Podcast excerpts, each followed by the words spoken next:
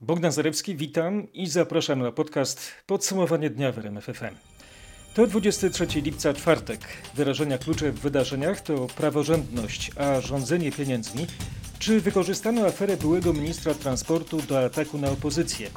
Tak czy owak, Sławomir Nowak jako istotna postać w podcaście.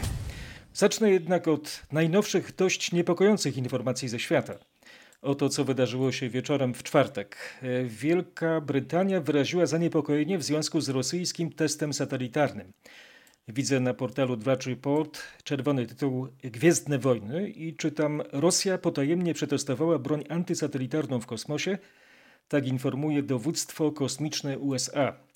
Rosja rozwścieczyła Zachód, strzelając próbnie z broni przeznaczonej do niszczenia innych satelitów – i zagraża pokojowemu wykorzystywaniu przestrzeni kosmicznej.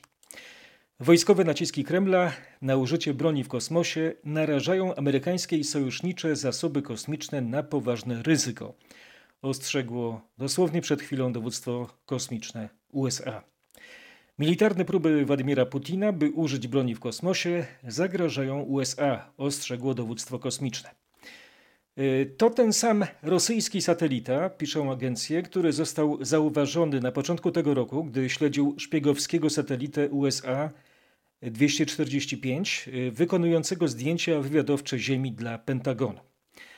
No i ciekawe, że zbiegło się to z informacją, iż y, prezydenci Rosji i USA Władimir Putin i Donald Trump omówili w czwartek telefonicznie kwestie stabilności strategicznej i kontroli zbrojeń oraz y, wskazali na aktualność konsultacji w tej sprawie. Tak głosi komunikat Kremla. Omówiono szczegółowo problematykę stabilności strategicznej i kontroli zbrojeń z uwzględnieniem szczególnej odpowiedzialności Rosji i USA za podtrzymanie pokoju i bezpieczeństwa międzynarodowego. Tak napisano w oświadczeniu. Wiadomo, jaki to jest styl takich komunikatów, bardzo oficjalny, ale no, można się domyślać, co się za nim kryje. Czytamy dalej, że prezydenci potwierdzili aktualność konsultacji dwustronnych, e, w tym na temat układu Nowy Start. E, przypomnę, że nowy układ o redukcji zbrojeń strategicznych, tak zwany Nowy Start, e, wygasa w lutym przyszłego roku. No i jest to obecnie jedyny obowiązujący jeszcze między USA i Rosją układ rozbrojeniowy. Rosja zaproponowała jego przedłużenie, ale prezydent Trump chce, aby to był układ trójstronny z udziałem Chin, czemu z kolei Rosja się sprzeciwia. I teraz y, kolejna informacja, która spłynęła do mnie właśnie w tym momencie, kiedy nagrywałem ten podcast, już o innej wadze, innym znaczeniu, to inna dziedzina, lżejsza. Polscy siatkarze w Zielonej Górze wygrali drugi towarzyski mecz z Niemcami. Po środowym zwycięstwie 3 do 2 w czwartek Pokonali naszych zachodnich sąsiadów 3 do 0. Y, na miejscu w hali Mosiru był Wojciech Marczyk i wtedy, gdy relacjonował, nadal obserwował to, co dzieje się na parkiecie, bo mimo, że Polacy wygrali, trzy sety, to mecz nadal trwał. Bo obu szkoleniowcom zależało na tym, aby zawodnicy mogli pograć jak najwięcej, tym bardziej, że dla kilku z nich, którzy wczoraj nie pojawili się na parkiecie, była to pierwsza okazja do rozegrania oficjalnego spotkania od marca. Po dwóch setach, w których zwyciężyli nasi reprezentanci dość pewnie, Vital Heinen zgodnie z tym, co wcześniej ustalił z zawodnikami, wymienił całą szóstkę i pierwszy raz na parkiecie pojawili się Kubiak czy Konarski. Trzeciego seta biało-czerwoni wygrali pewnie 25 do 21. Reszta w internecie Wejdźcie koniecznie na rmf24.pl. Zachęcam nie tylko kibiców oczywiście. Teraz ważne sprawy w Brukseli. To już kolejny dzień, skąd spływają do nas istotne informacje. Parlament Europejski przyjął rezolucję, która wzywa do zwiększenia budżetu Unii Europejskiej na lata 2021-2027, który to ustalili unijni przywódcy na szczycie. E, no, jest jeszcze jedna jednak ważna informacja dla naszego kraju, ważna kwestia. Chodzi o powiązanie spraw finansowych z przestrzeganiem tzw. Tak praworządności. E, te rezolucje, akt polityczny przygotowały frakcje, do których należą przedstawiciele opozycji w Polsce z Koalicji Obywatelskiej, PSL-u czy Lewicy, a pod tekstem nie podpisali się europejscy konserwatyści i reformatorzy, do których należy Prawo i Sprawiedliwość.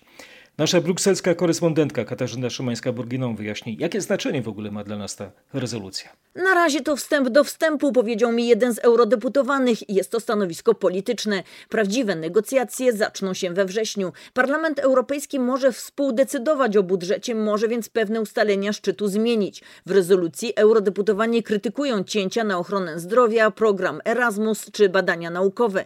Nie zgadzają się także na rozwodniony mechanizm dotyczący uwarunkowania budżetu od praworządności. Chcą przywrócenia zapisów ich najostrzejszej wersji, którą w 2018 roku zaproponowała Komisja Europejska, czyli aktywowania ewentualnego zamrożenia lub odebrania środków w związku z łamaniem praworządności, tak zwaną odwróconą większością kwalifikowaną, co znacznie utrudniłoby zablokowanie takiej decyzji. Tłumacząc to z unijnego na nasze, jeśli Polska chciałaby odrzucić takie wstrzymanie pieniędzy z Unii ze względu na zarzuty o łamanie praworządności, to musiałaby zebrać koalicję złożoną z 15 krajów Unii, ale to jeszcze mało, reprezentujących co najmniej 65% ogółu ludności Unii Europejskiej. No ale to ta sprawa jest w toku. Przeczytajcie koniecznie, jak się sprawy mają teraz. To wszystko opisuje w swoich artykułach Katarzyna Szymańska-Borginał na rmf24.pl. Nasza ekspertka, wiele się od niej można dowiedzieć. Mogło dojść do celowego opóźnienia zatrzymania Sławomira Nowaka. Tak sugeruje w rozmowie z RMFM obrońca byłego ministra transportu Antoni Kania-Sienawski. Adwokat Nowaka stwierdził, że w działaniach prokuratury w oczy rzuca się zbieżność dat.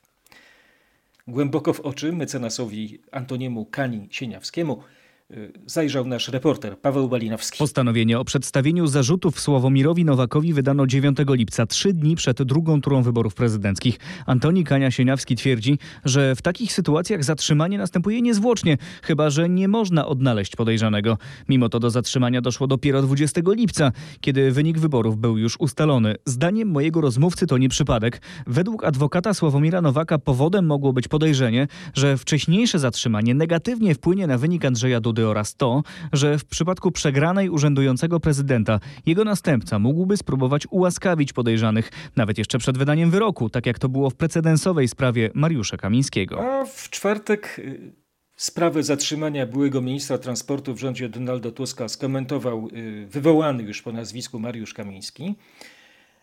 I co napisał? Oskarżanie Centralnego Biura Antykorupcyjnego o wykorzystanie śledztwa w sprawie zorganizowanej grupy przestępczej kierowanej przez Sławomira N. do inwigilowania sztabu wyborczego Rafała Trzaskowskiego należy oceniać jako zupełnie bezpodstawne.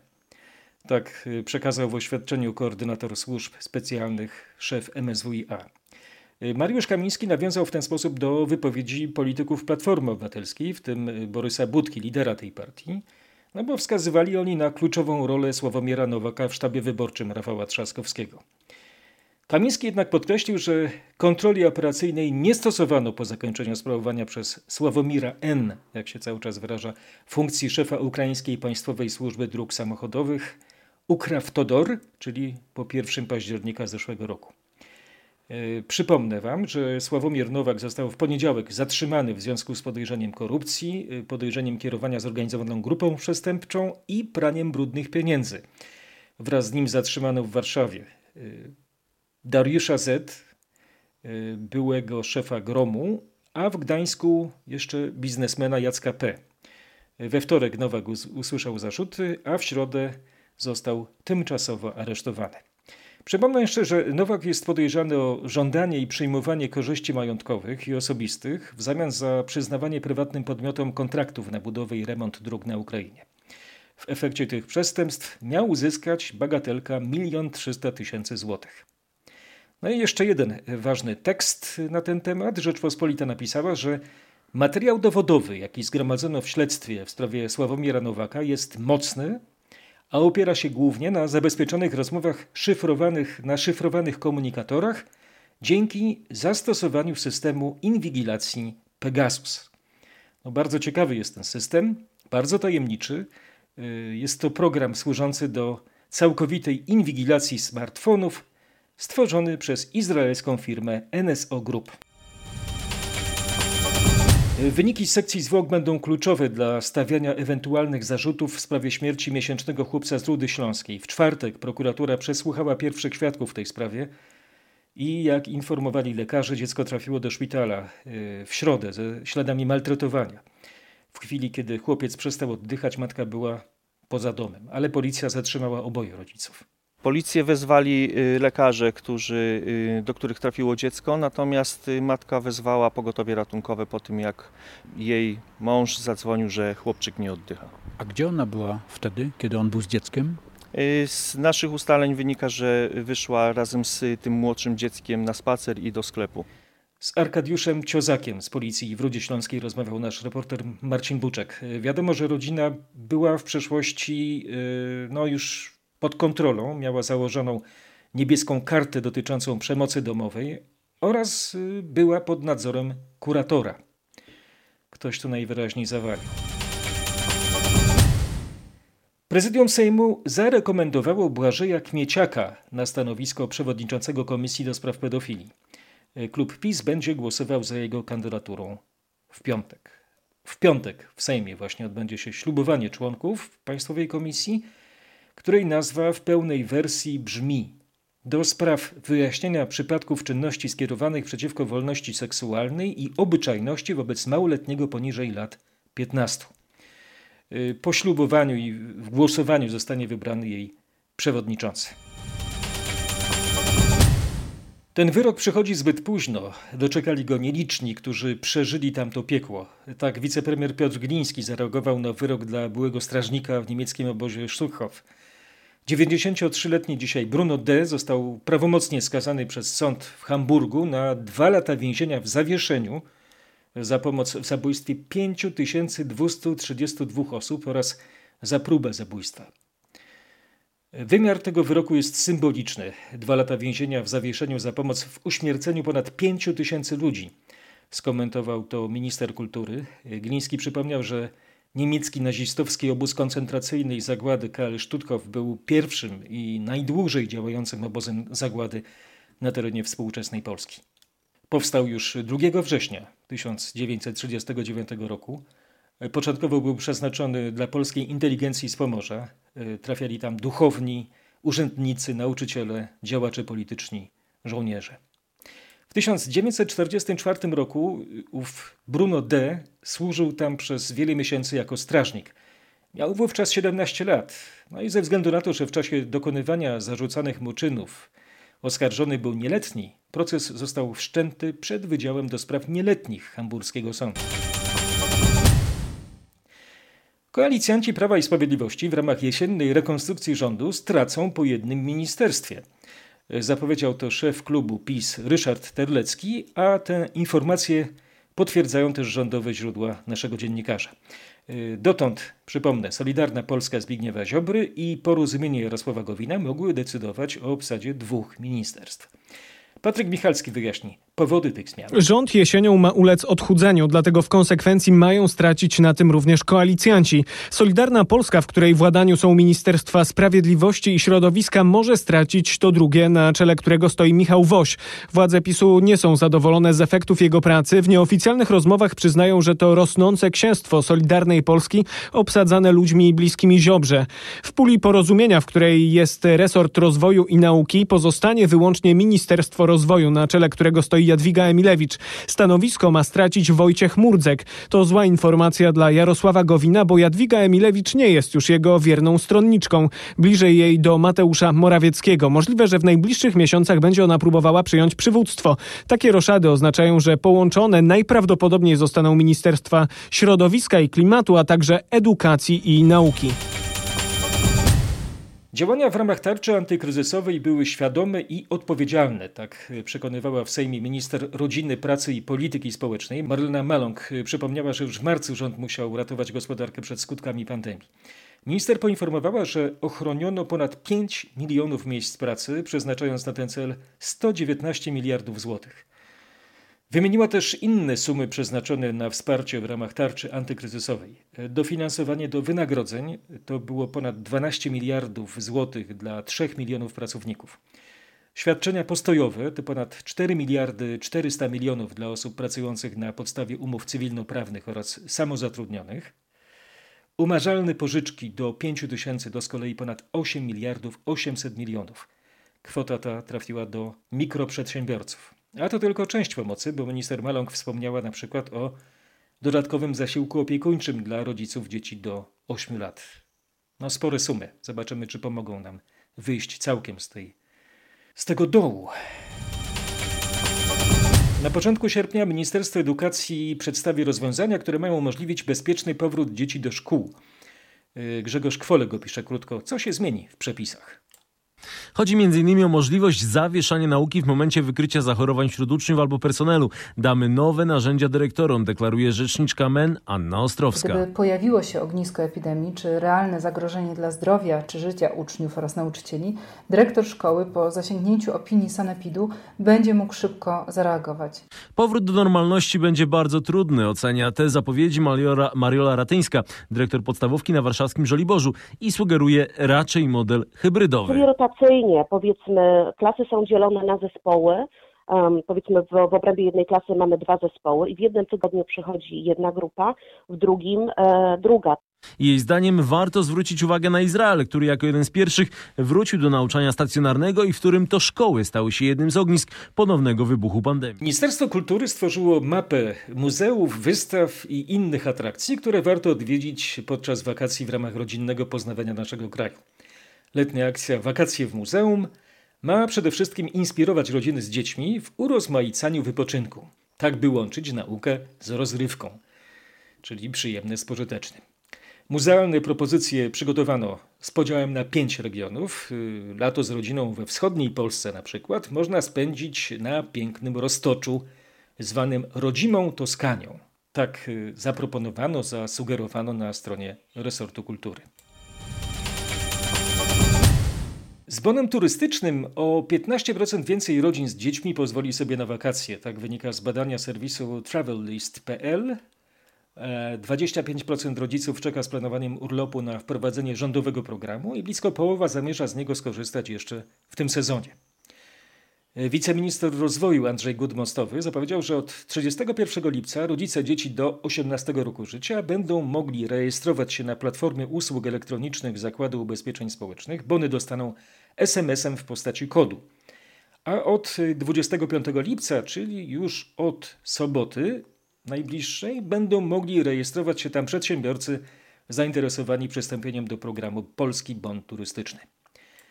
No i mamy przykład. Y, Katarzyna Lech z Zamku Kliczków na Dolnym Śląsku w rozmowie z reporterem RMFFM Pawłem Pyclikiem przyznała, że już od kilku dni biuro recepcji odpowiada na mailowe i telefoniczne pytania. Wszyscy czekamy na to, jak to będzie wyglądało, jak będzie można z tego korzystać. Też nie jesteśmy w stanie na chwilę obecną udzielić takich konkretnych, właściwych odpowiedzi. Czyli jak klienci pytają, to co robicie?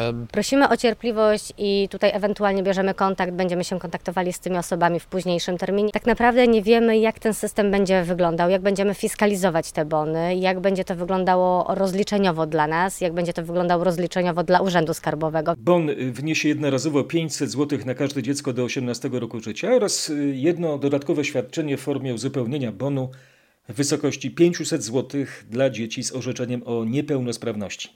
Bon będzie można wykorzystać do końca marca 2022 y, roku.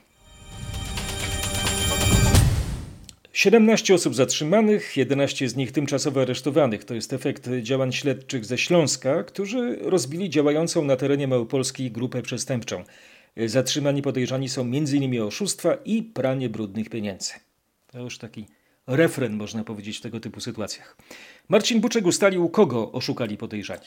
To m.in. firma z Niemiec oszukana na ponad 2,5 miliona złotych. Oszuści podszyli się pod kontrahenta tej firmy, a chodziło o zapłatę za rury stalowe. Kiedy otrzymali pieniądze, które wpłynęły na fałszywe konto, natychmiast przelali je na kilkanaście innych rachunków, ale żeby nie wzbudzać podejrzeń, stworzyli pozornie legalną transakcję sprzedaży diamentów za ponad pół miliona złotych i, to ciekawe, nawet zapłacili od tego urzędowi skarbowemu podatek VAT. Ponadto podejrzani oszukiwali też firmę z Małopolski. W tym przypadku łączna suma strat to prawie 11 milionów złotych. Jeden z podejrzanych w tej sprawie to czynny zawodnik MMA, dlatego w jego zatrzymaniu brali udział policyjni antyterroryści.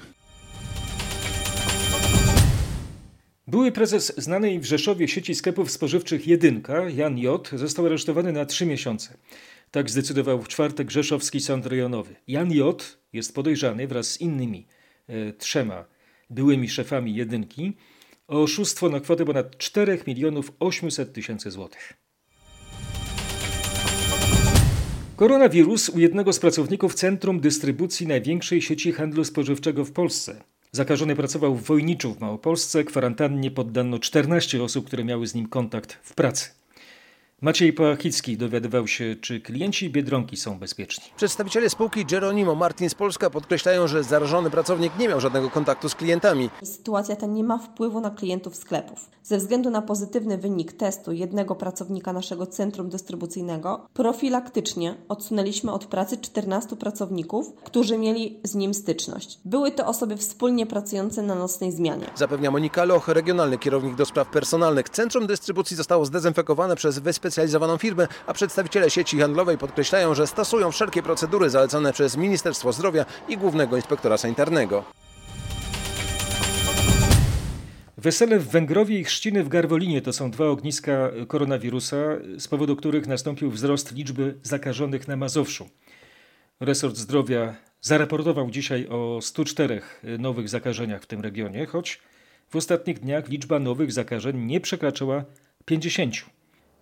Mariusz Piekarski dowiadywał się, ile osób było zakażonych na tych rodzinnych uroczystościach. Co najmniej 30 z wesela w Węgrowie, ale co ciekawe, żadna osoba zakażona nie pochodzi z tego miasta, a nawet z tego powiatu. Za to stacje sanepidu z innych powiatów raportują przypadki zakażenia, łącząc je właśnie z tą jedną imprezą weselną. I tak co najmniej 20 osób ma dodatni wynik testu w Warszawie, 13 w Siedlcach, a śledztwo epidemiczne prowadzone jest także w Mińsku Mazowieckim i w kilku powiatach poza Mazowszem. Z kolei chrzciny w Garwolinie to na razie 5 wyników dodatnich i śledztwo, które które ma ustalić krąg osób, które mogły się zarazić i rozjechać po kraju. Są też nowe zakażenia w szpitalu w Gostyninie i w pobliskim domu pomocy społecznej. Z raportu wojewódzkiego sanepidu wynika, że są także nowe ogniska w kilku zakładach pracy, innymi w Wołominie, Płocku oraz dwóch w Warszawie. W sumie w całym kraju odnotowano w czwartek 418 nowych przypadków koronawirusa. Zmarło 9 osób, a wyzdrowiało 402. Dokładna mapa zachorowań jest na rmf24.pl. Pandemia koronawirusa nie wpływa na ceny mieszkań, a Polacy mimo wszystko nadal inwestują w nieruchomości. Tak wynika z kwartalnego raportu Barometr Metro House i Gold Finance za drugi kwartał tego roku.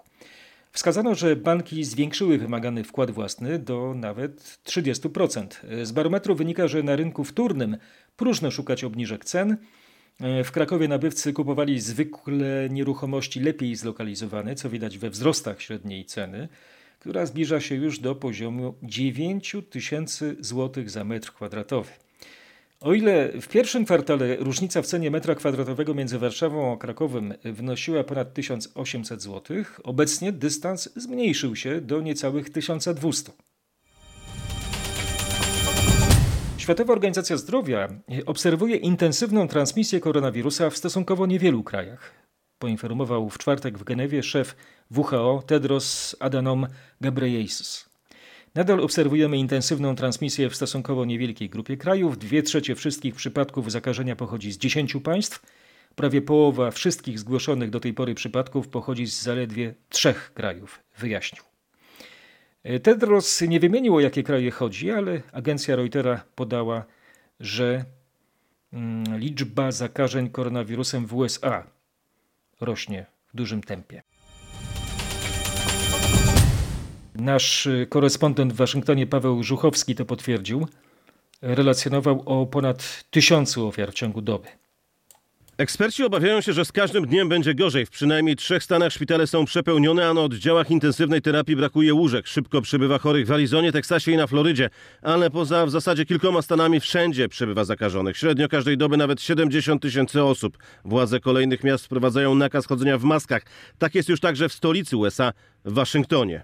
Bardzo intrygujące wieści dochodzą z państwa środka. Były wpływowy chiński deweloper Ren Xiqiang krytykujący przywódcę HRL Xi Jinpinga za reakcję na pandemię COVID-19 został wydalony z Komunistycznej Partii Chin, w której niegdyś zajmował wysokie stanowiska.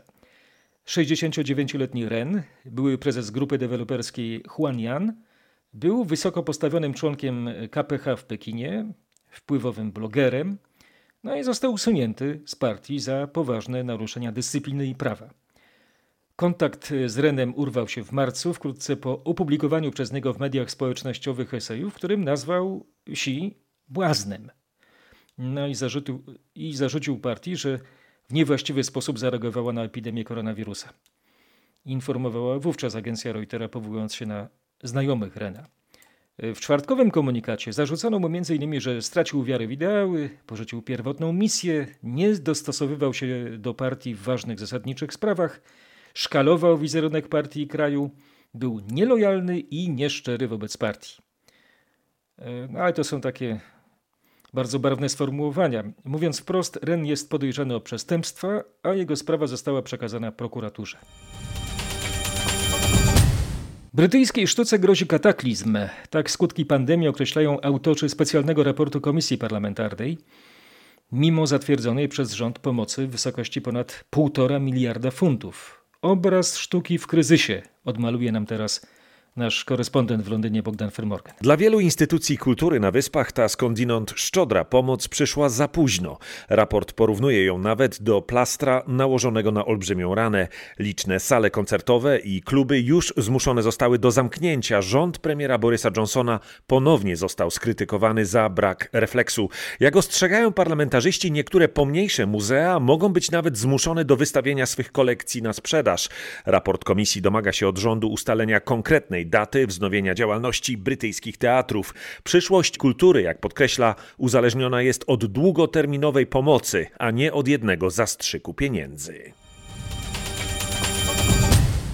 Zeznania nowego świadka potwierdzają hipotezę o podpaleniu katedry w Nantes przez nieznanego sprawcę. Mężczyzna mieszkający obok świątyni powiedział, że przed jej pożarem słyszał, jak ktoś grał na organach. Szczegóły ma dla Was nasz francuski korespondent Marek Gładysz.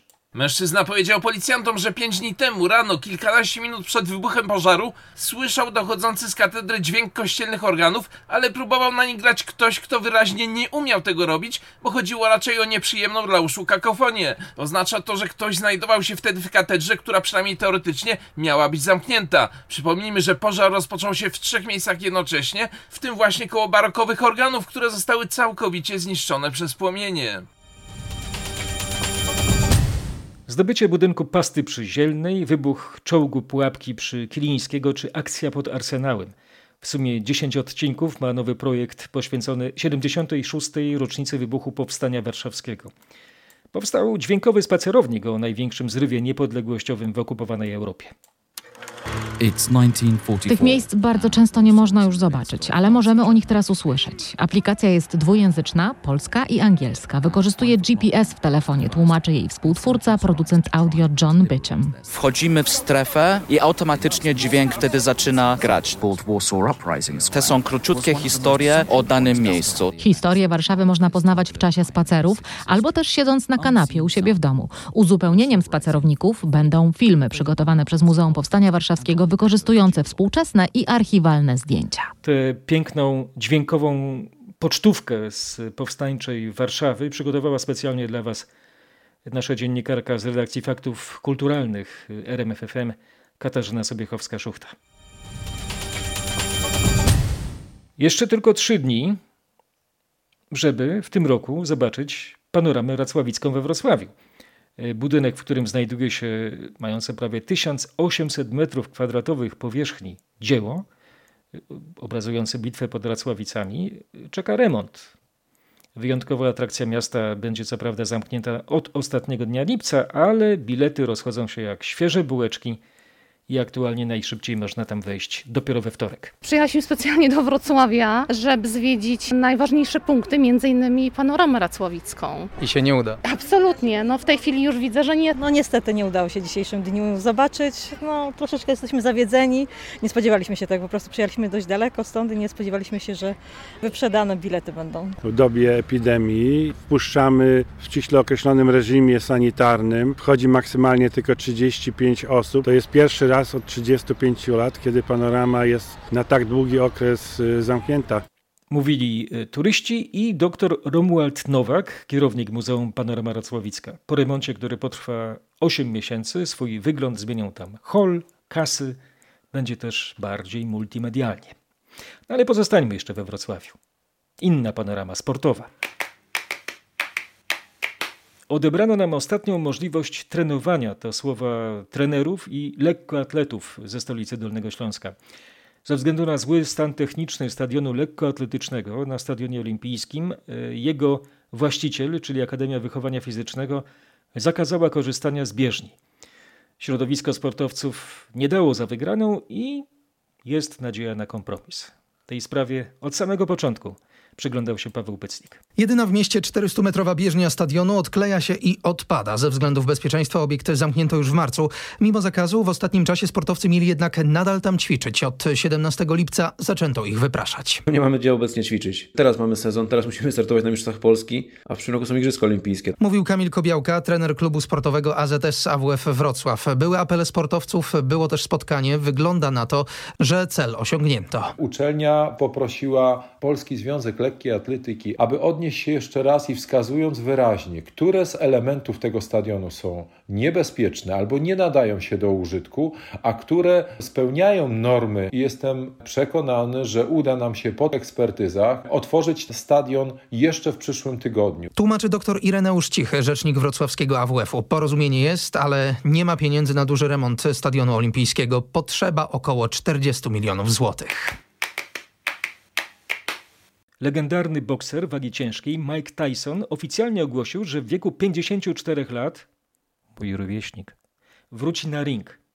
Pięściarz potwierdził, że 12 września na ringu w Los Angeles stoczy ośmiorundową, pokazową walkę z młodszym o 3 lata rodakiem Royem Johnsonem Jr.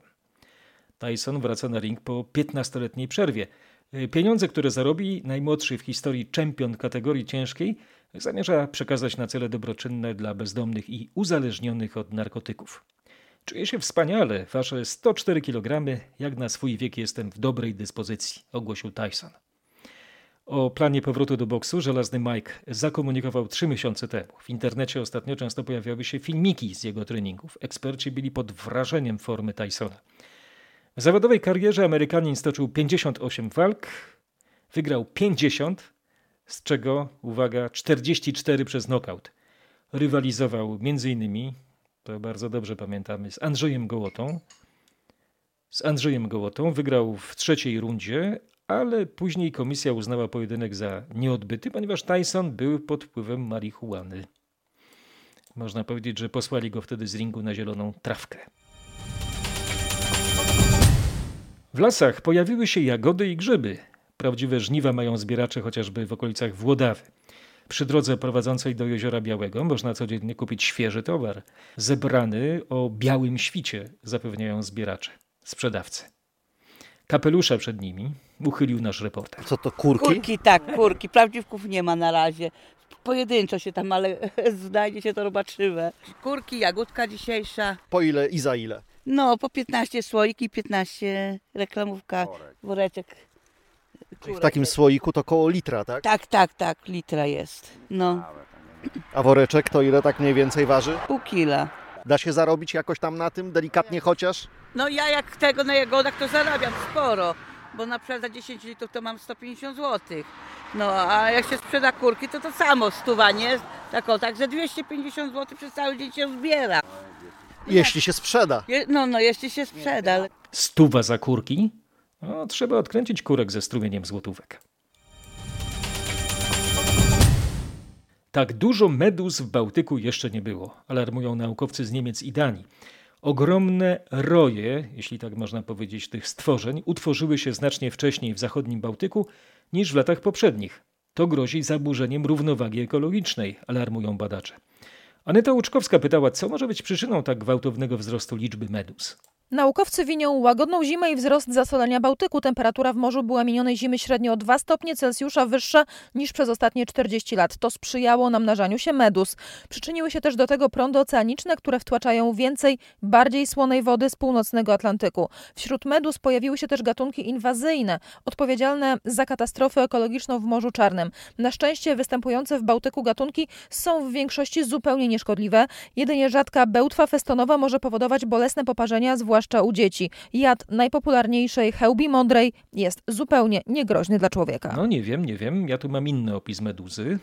Jej głowę zamiast włosów okaleją wijące się węże i wężowe łuski, nieruchome oczy błyszczą, twarz meduzy szpecą grymasy, w ustach tkwią kły dzika, szyja jest pokryta smoczynymi łuskami, kończyny ma ze spiżu lub z brązu, skrzydła złote. Spojrzenie meduzy zamienia wszystko, co żyje w kamień. Przepraszam, pomyliłem podręcznik do biologii z grecką mitologią. Niejednemu psu meduza. Kłaniam się, dziękuję za uwagę, zapraszam na piątkowe podsumowanie dnia. Wasz podcaster Bogdan Zarewski.